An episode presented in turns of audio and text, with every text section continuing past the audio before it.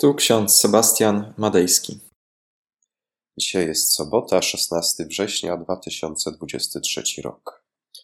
W Księdze Trenów, trzeci rozdział, 58 werset. Ty, Panie, prowadziłeś moją sprawę. Wybawiłeś moje życie. Oraz pierwszy list Piotra, drugi rozdział, wersety 21 i 23. Chrystus cierpiał za was, zostawiając wam przykład, abyście wstępowali w jego ślady. On, gdy mu złorzeczono, nie odpowiadał złorzeczeniem. Gdy cierpiał, nie groził, lecz poruczał sprawę temu, który sprawiedliwie sądzi. Drodzy, dzisiejsze fragmenty mówią o cierpieniu, o cierpieniu Chrystusa. Chrystus cierpiący za człowieka jest to obraz o tyle fascynujący, a zarazem też niezrozumiały. Zawiera w sobie pewną tajemnicę. Pozwólcie, że podzielę się kilkoma spostrzeżeniami, kilkoma myślami, jakie naniosły do mojego serca właśnie te wersety. Przede wszystkim, dlaczego Bóg zdecydował się cierpieć dla nas? Dlaczego Bóg zdecydował się oddać za nas swoje życie? Tak, tak postawione pytanie przekonuje mnie o tym, że Bóg zdecydował się na taki krok, ponieważ zrobił to z miłości. Natomiast ludzie, którzy dopuścili do śmierci niewinnego, nadal uczestniczą w niesprawiedliwości, jaka za tą zbrodnią stała. Przecież Chrystus cały czas żyje. Jest wśród nas, stanowi imperatyw do zmiany naszego życia i do porzucenia niesprawiedliwości. Mówiąc językiem prawniczym, sprawa wcale nie jest przedawniona, ponieważ Chrystus cierpi wszędzie tam, gdzie popełniana jest niesprawiedliwość. Tam, gdzie niesprawiedliwość spada na niewinnych, tam obecny jest Bóg.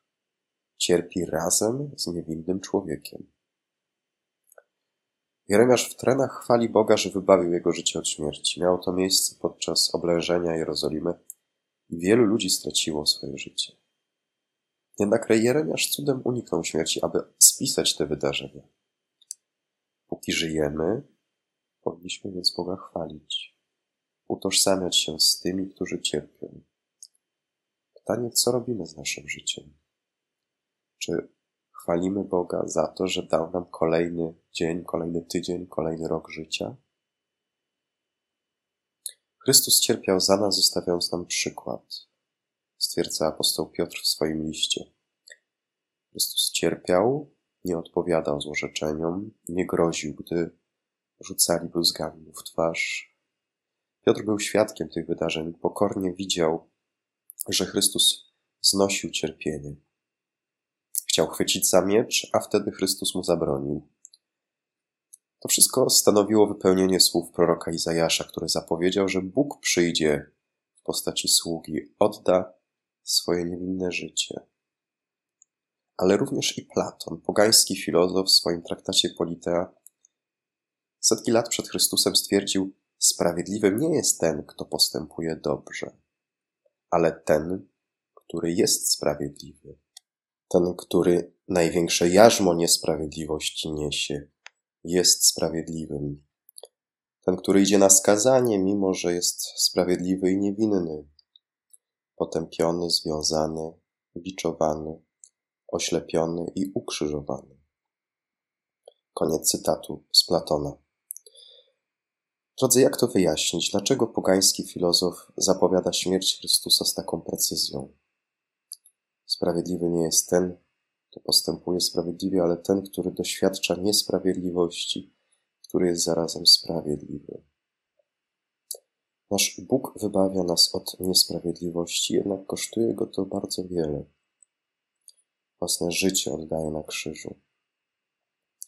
Anselm Grün postawił nam prowokacyjne pytanie, co to jest za Bóg, który własnego Syna poświęca, aby przebaczyć nam, ludziom. Przede wszystkim Bóg nie ma miłości do kupienia. Bóg nie potrzebuje ofiary z krwi i z ludzi. Bożek Moloch, palestyński bożek, potrzebował ofiar z ludzi, ale nasz Bóg jest inny. Nasz Bóg oddaje swoje życie za nas.